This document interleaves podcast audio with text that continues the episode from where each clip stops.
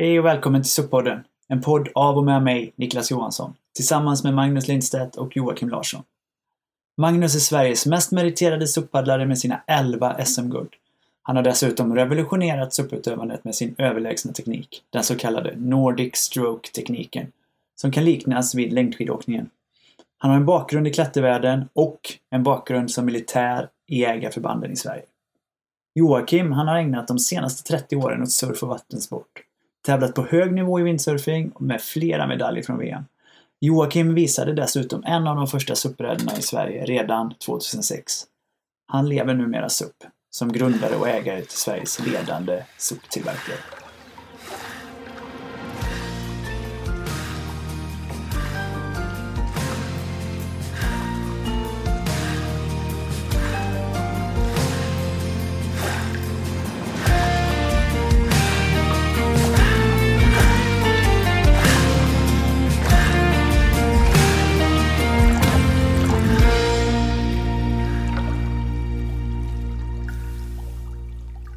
Sitter vi här igen Joakim. Ja, kul. Jag, det är liksom andra avsnittet efter eh, fri från covid. Och, ja, faktum är att jag bara börjat och tränat och jag är ute och åker i den här vita, vita snön här i Östergötland. Och längdskidor. Jag älskar längdskidor. Det är som SUP. SUP liksom. Det är som SUP fast på land. Ja, precis. Eller hur är det man säga? SUP är som längdskidor fast på vatten. Ja, nej, det är fantastiskt. Ja, eh, ja, det är ju mitt i vintern. Det är ju februari nu faktiskt. Eh, Niklas, Niklas, det är faktiskt vatten här ute i viken nu då. Det är öppet vatten. Vi kanske ska suppa efter det här. Ska vi ta ett litet pass efter sen? Vi får se. Vi får ja. se vad, vad dagen räcker till till. Men det är ju egentligen det vi borde göra mest av. är ju att vara ute på vattnet såklart. Ja. Mycket mer än att sitta här och Jag har och ett gäng eh, brädor här som vi liksom kan nu ta va, om du känner för det. Och har du ingen våtdräkt så har jag Våtdräkter, torrdräkter, jag har skor, jag har allt till dig. Jag har numera en väska med vintersuppkläder liggande i bilen 24-7 faktiskt. det är det här som gäller nu. Eh, ja, nej, det, ja, det hade ju varit fantastiskt om vi kunde göra det. Det är otroligt soligt och vackert här i Motala. Men du, vi ska prata om en grej idag som eh, du har sagt många gånger till mig. Eh, som är Stability for Performance. Som är eh, är väl egentligen ett koncept eh, i sig kanske. Kring eh, både hur man konstruerar och bygger en SUP-bräda, hur man tänker sig att man ska använda den, alltså vilken teknik man använder eller, och vad man vill att det ska leda till. Eh, om inte jag har helt fel. Men eh, jag vet inte, vi kan börja med att prata om kanske var termen kommer ifrån. Stability for performance. Ja, men jag tänker väl att eh, det, det kan man ju applicera ända ner till en bra stabil hälsa. va. Mm. Men hur det här började var ju egentligen för många, många år sedan så fattar jag egentligen att det var de här typerna av brädorna som då skulle vara bra för motion. De var ju inte tillräckligt stabila för att man skulle kunna få den upplevelsen.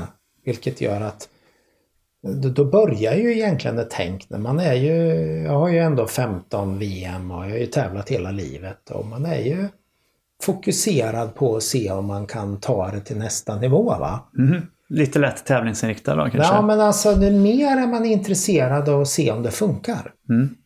Oavsett vad vi gör så är vi intresserade av att se om det funkar. Och man, oavsett vad vi ger oss på så vill man ju veta om man eh, kan lura ut koden. Mm. Om det funkar. Mm.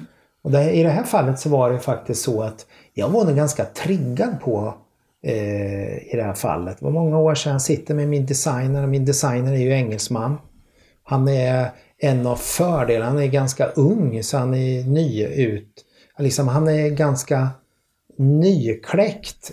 Inte supernykläckt men han är ju naviarkitekt, alltså han är ju båtbyggare. Han är ju, mm. jobbar ju med sånt som under vattnet. Han förstår ju vattentermologi eller vad det kallas, vatten som strömningar. Han är inte brädshapare då? Nej, och det är ju en av hans fördelar faktiskt. För att jag ställde ju egentligen konkret en fråga nere i Halmstad, nej jag var nere i Båstad och körde ett, VM i, nej vi körde ett EM i Kodovan-klassen som vi också administrerar. Det är windsurfing alltså? Det är windsurfing ja. Och han är, ja, sitter där och så säger jag till Sam Sam Sills som han heter, han är ju en av världens bästa foil-windsurfare. Topp Ja. 6 i världen. Kommer Foil, är det sån här... Eh, Windsurfing foil och man står lite ovanför vattnet? Eller? Ja. ja. precis. Och eh, kommer från Cornwall. Han är ju van vågsurfare. Just nu vet jag att han är på Teneriffa och både jobbar åt oss eh, och eh, även eh, utför sin egna idrott. Då. Ja, ja. Så frågar Sam så här. Sam, how can we go the fastest raceboard ever? I SUP då? I SUP då. Ja. I want to win, sa jag bara. På engelska, jag vill vinna. Ja. Vad måste vi göra? Vad är det som krävs? Han sa så här ganska fort. "Jo, eh, Om vi ska bli snabbast så måste vi skapa den snabbast eller minsta våta ytan, den smalaste brädan till 14 fot. Och sen så måste man... Ja, men det kommer ju bli en utmaning. För att vi kommer inte kunna stå på den här. Den kommer bli så instabil.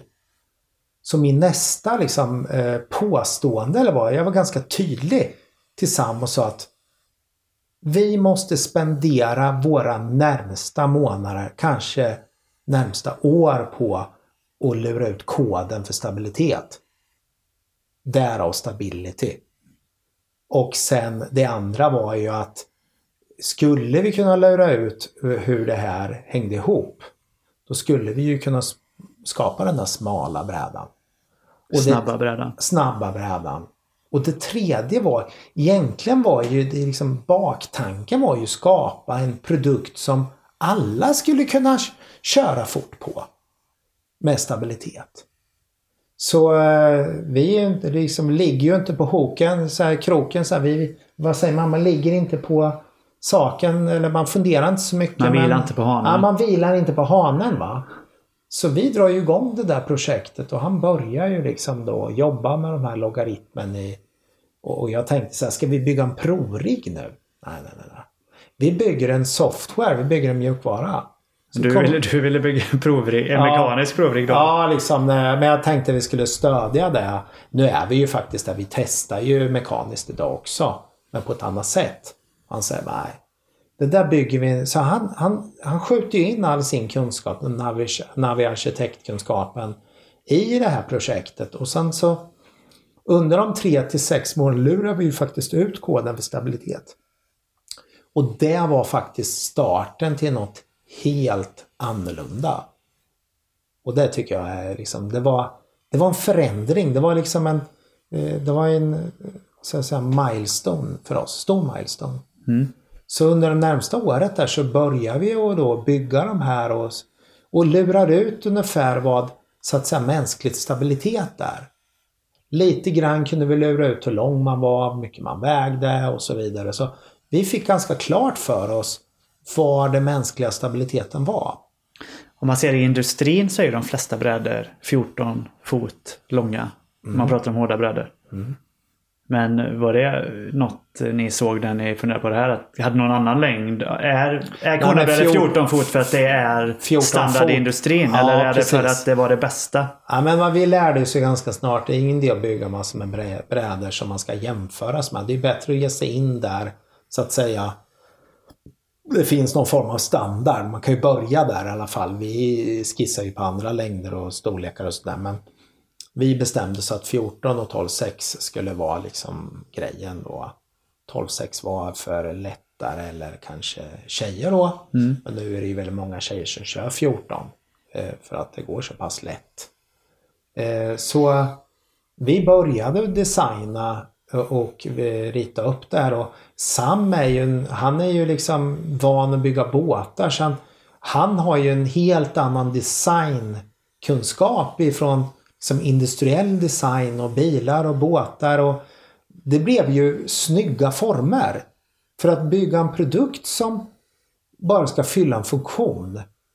Man, man vill ju ha någonting som är känslomässigt någonting som når in till hjärtat. Mm.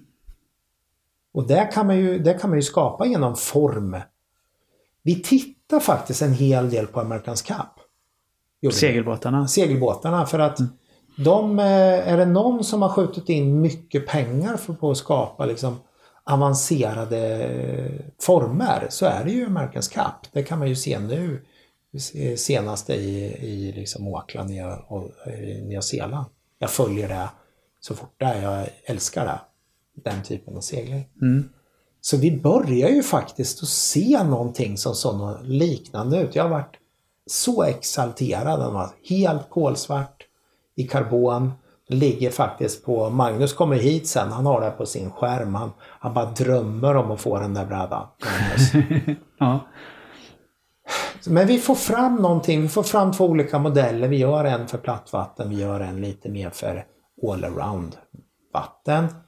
Men bara för liksom att stämma av det här så var vi ju tvungna att hitta en referens. Så vi gick faktiskt in och skannade motsvarande brädor ifrån industrin som var klassade just då som de bästa. Sen gjorde vi en jämförelse i stabilitet och glid. För det kunde vi göra när vi hade data så kunde vi stoppa in det där. Så vi såg ju att vi hade ju kommit på någonting. Fanns era brädor bara digitalt i hans Ja, innan vi började producera dem då så, så gjorde vi den jämförelsen. Vi gjorde väldigt mycket på ritbordet. Sen började vi ju köra fram de här då. Det tog ju ett helt år innan vi var framme med slutgiltiga produkten. Mm. Kanske ett och ett halvt år tills vi liksom var färdiga. Det tar tid.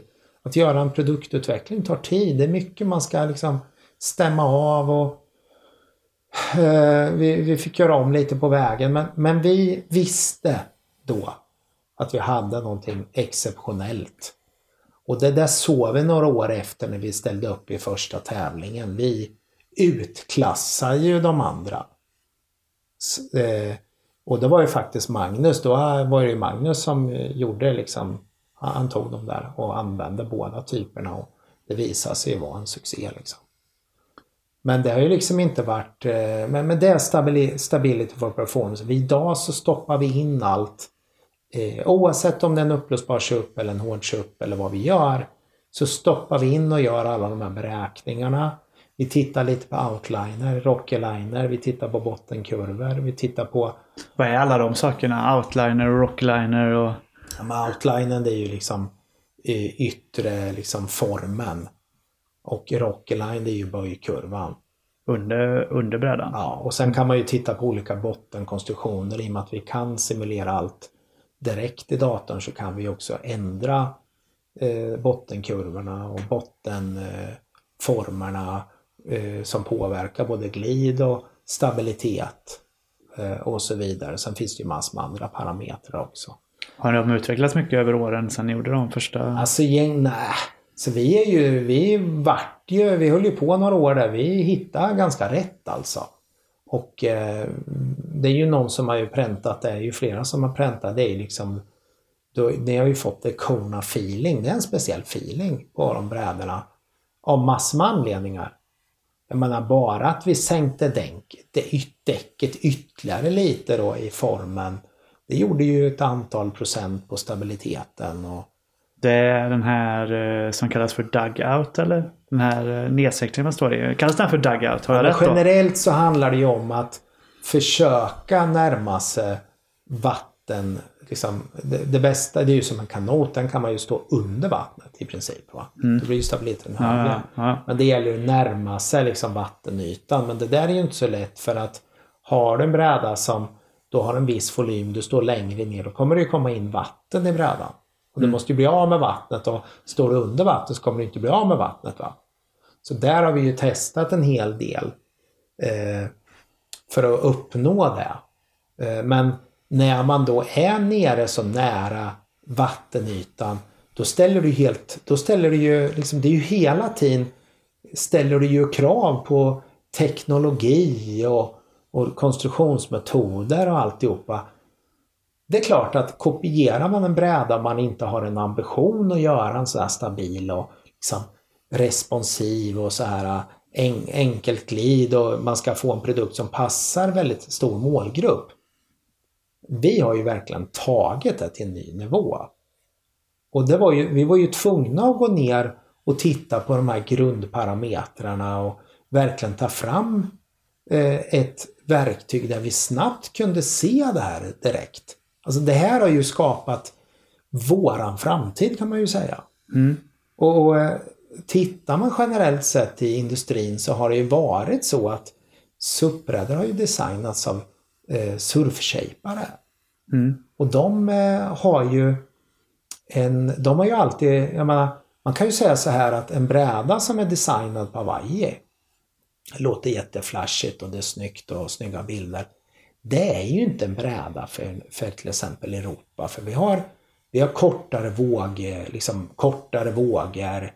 Eh, vi har en annan vågstruktur.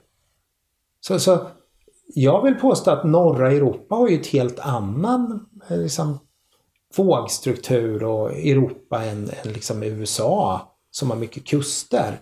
Det, det, är en stor skillnad att göra det här. Och det andra i norra Europa det är ju det att, tänker man ju inte på men för att få vågor i Europa generellt sett om man tar Sverige och Norge och du vet de här norra delarna av Europa. Mm.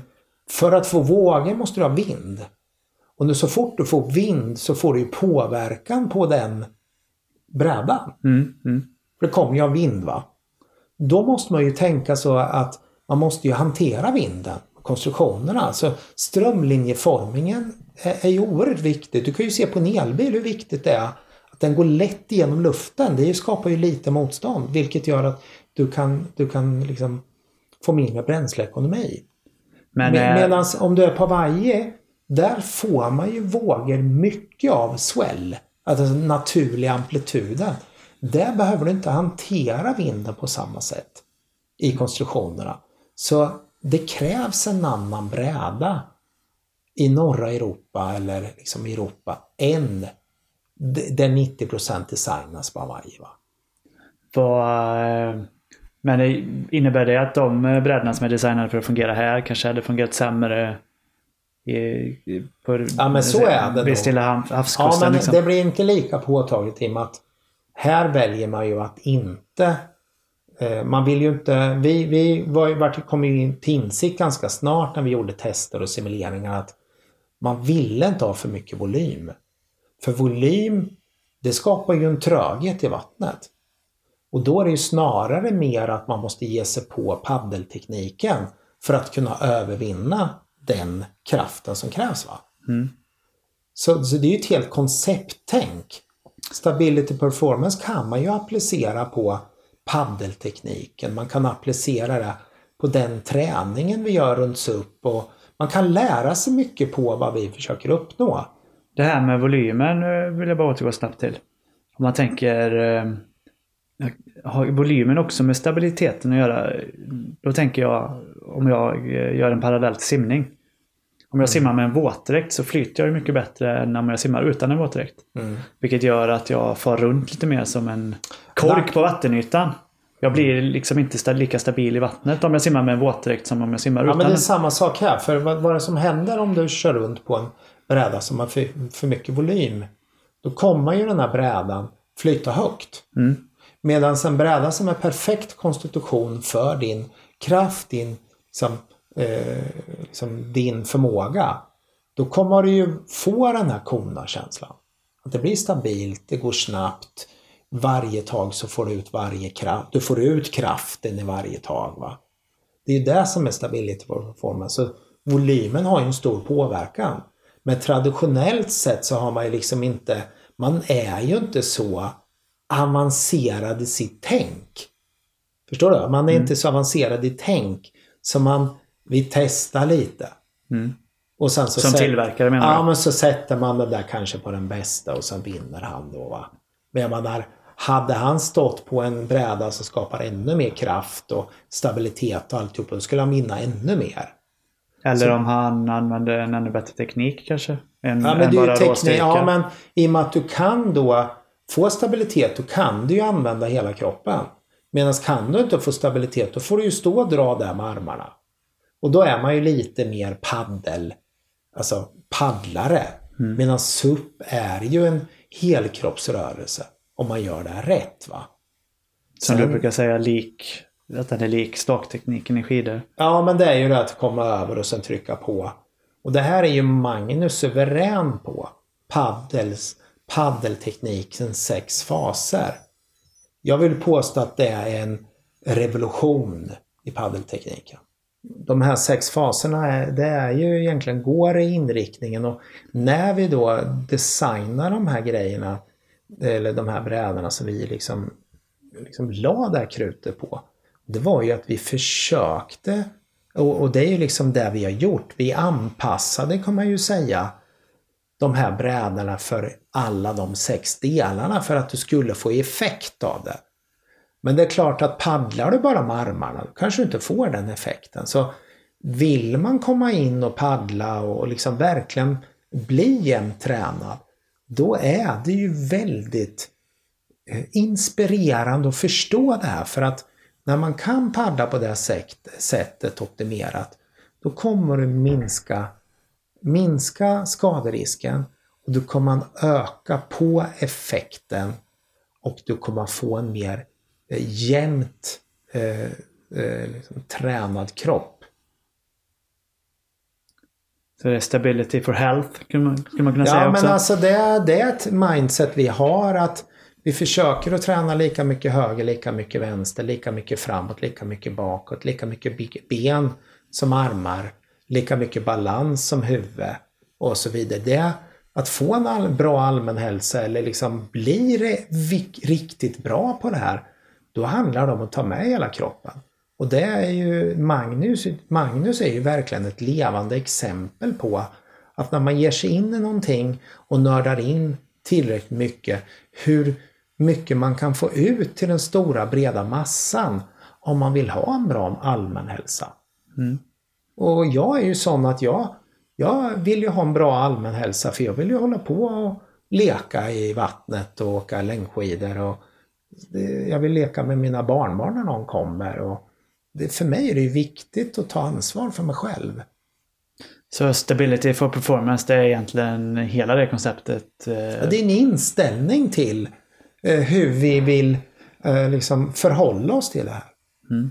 Har ni utvecklat egna paddlar på samma sätt som brädor eller hur ser det ut där? I, I tajt samarbete så har vi faktiskt valt ut vi har del, del utvecklade paddlar, det finns liksom tanke på det men man har inte kapacitet till allt. Men vi har verkligen jobbat ihop med en av världens största paddeltillverkare eh, där vi då har sett att det passar vår teknik. Mm. Och dels är, det ju, det är ju, dels är det ju skaften och dels är det ju framförallt bladen då, som passar tekniken. Eh, och eh, en, en människa som eh, heter Quickblade jobbar vi med då, i USA, Kalifornien. Mm.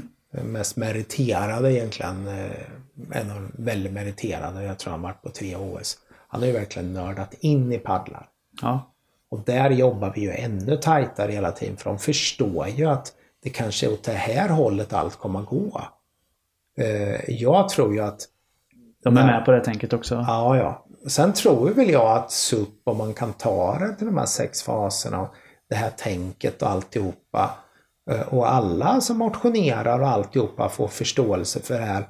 Då kommer vi ju närma oss eh, de här andra idrotterna som längdåkning och kanske Ja, men jag, jag tror det, att få en allmän hälsa, lära sig det, är bra. Kanske blir en ny idrott i en svensk klassiker i framtiden. ja, vi får väl eh, höra med Micke Thorén där som är VD på Svensk Klassiker om vi får vara med. Eller hur? Vi får se hur många deltagare det blir i ett eventuellt SUP eh, eh, motionslopp av den rangen som eh, Vätternrundan och Vansbrosimningen och liknande. Ja, men alltså, jag tyckte det var kul idag Niklas när vi träffade Göta kanal. Ja, vi har ju träffat Göta kanal och pratat om eh, Göta kanal supplopp då för i år 2021. Eh, och de var ju väldigt entusiastiska. Mm. Och eh, nej, det känns ju som att SUP, eh, det är ändå framtiden. Mm. Eh, men det här med paddlar och paddelteknik. Eh, vi återkommer till det i nästa avsnitt med Magnus. Så ska han få gå igenom det här ordentligt. Och vi kommer säkert återkomma till eh, stability for, for performance i framtiden också eftersom det är ett så grundläggande begrepp i hela korna-världen. Ja, men det jag kanske, vi fick ju en fråga, vi har fått flera frågor om vi inte skulle kunna behandla lite mer fokus på att eh, liksom förhindra ryggproblem och kanske lite rehab och kanske lite andra sådana grejer som gör att vi stärker kroppen Något att vi skulle kanske kunna inrikta ett avsnitt på. Hur så alltså, bygger vi en stark rygg för att förhindra till exempel som jag själv har haft för många år sedan diskbrock. Va? Mm. Eh, det är ju verkligen en, en väldigt högaktuell fråga nu. Eh, när vi allt mer sitter framåtlutade och sitter ner med paddan och alltihopa. Hur vi ska förhindra det här eh, hälsoproblemen som kommer. Verkligen. Det ska vi definitivt göra ett avsnitt om eh, effekterna av SUP på, på kroppen på det sättet. Bara en sån fascinerande siffra som att om man eh, suppar då i en, i en träningsfrekvens under en timme så har man gjort 3000 rygglyft till exempel. 3000 situps. Mm. 3000 benböj. På en timme. Det är jävligt coolt. Det alltså. är rätt bra effekt. Ja, nej, det kommer det också naturligtvis komma ett avsnitt om som berör den. Det är något av det vi har fått mest eh, feedback på från vårt första avsnitt. Det var ju när du när du hackade ner på min hållning och berömde Magnus. nej, men eh, när du jämförde min och Magnus hållning. Eh, det, där fångade vi ganska många lyssnares intresse faktiskt för, för vad SUP eh, kanske kan eh, göra för eh, individen. Det är ju lite så. Jag, jag, jag är ju lite direkt sådär men jag är väldigt... Jag, jag liksom försöker ju verkligen att ta det hela tiden framåt. Mm. Och, och ta det hela tiden framåt, det kan ju vara ifrån egentligen att man förändrar kan ju vara vad som helst. Förändra matvanorna eller så det, som du eh, vet, jag kör ju mycket det här. Eh, jag kör ju 16-8. Mm. käkar inte frukost och käkar 8 timmar. Jag hörde att du, du, du kör det också va? Ja men eh, några dagar i veckan i alla fall hoppar jag över frukosten. Ja. Det är så, vissa dagar så vill ju min, jag har ju en väldigt liten dotter två år. Hon vill väldigt gärna äta frukost med sin pappa ibland. Och då kan inte jag säga nej. Men eh, de månaderna det går så hoppar jag gärna över frukosten. För, för mig blir det mer fokuserade dagar och jag kör även eh, 24 eh, timmars fasta någon gång då och då. Att jag mm. äter jag äter inte lunch heller den dagen då, utan jag äter middag sen på kvällen. Mm. Men eh, ja, nej, det finns ju... Det finns så roliga grejer man kan liksom... Eller som eh, vi har ju också fått frågan, kan man bli testad på liksom konditionstestad på SUP? Ja, det kan man ju. Vi har ju i, i liksom både på Bosön och eh, här i Östergötland så har vi ju folk som kan testa dig på en SUP, konditionstestare. Mm. Och jag tror nästan att vi ska göra det. Det har inte jag pratat med dig om Niklas, men vi tänkte faktiskt göra ett sånt konditionstest på dig när det gäller SUP. Mm. Det gör vi gärna såklart. Ja, så vi kan se utvecklingen här nu under året. Mm. Du tänker att vi gör rätt nu och sen när jag vet Eh, om, eh, någon gång sent i sommar. Jag tänker liksom att vi följer upp dig och ser att ja. du gör det du ska. Nej men det tycker jag det är fullt rimligt faktiskt. För att eh, det är ju lite tanken också. Ja. Eh, och vi skulle ju faktiskt också kunna ta lite sådana här före och efterbilder kanske på rent kroppsligt hur man mm. ser ut. Det kan vara intressant också även om det bara är det går ju att manipulera lite hur man står på en bild liksom så men ett konditionstest det blir betydligt mer eh, exakt och talande såklart. Nej, det hade varit kul. Det tycker jag vi ska göra. Tester eh, generellt eh, är ju vi för. Mm. Vi var ju inne på det här med tester förut då, men vi, vi, det kan vi ju ta ett avsnitt om. Jag menar, hur testar vi fram liksom den optimala brädan för dig mm. själv? Man kan ju titta det på individvård, vad, vad som är bra för just dig. Mm. Ja, hur gör man det? Ja, vi kan prata i generella termer. Och liksom hur är bra, liksom vilken paddel är bra för dig. Att det inte bara är liksom det här man läser på nätet. Det finns faktiskt, vad ska jag säga, biomekaniska förklaringar på det flesta, mesta. Mm. Vi kan göra liknelser med kadens på cykel och Eh, bland annat. Och vi kan eh, ta liksom, startningsfrekvenser. Och, det, det, det är ju sådana grejer man lär sig mer. Man lär sig så att säga eh, jämförelserna. Mm. Eh, och det kan man ta tillbaks till andra idrotten sen. Så eh, det, vi kör vidare helt enkelt. Det gör vi. Men du, jag tycker vi stänger igen det här eh, Stability för Performance avsnittet och så återkommer vi med Magnus och paddlar. Mm, tack så mycket.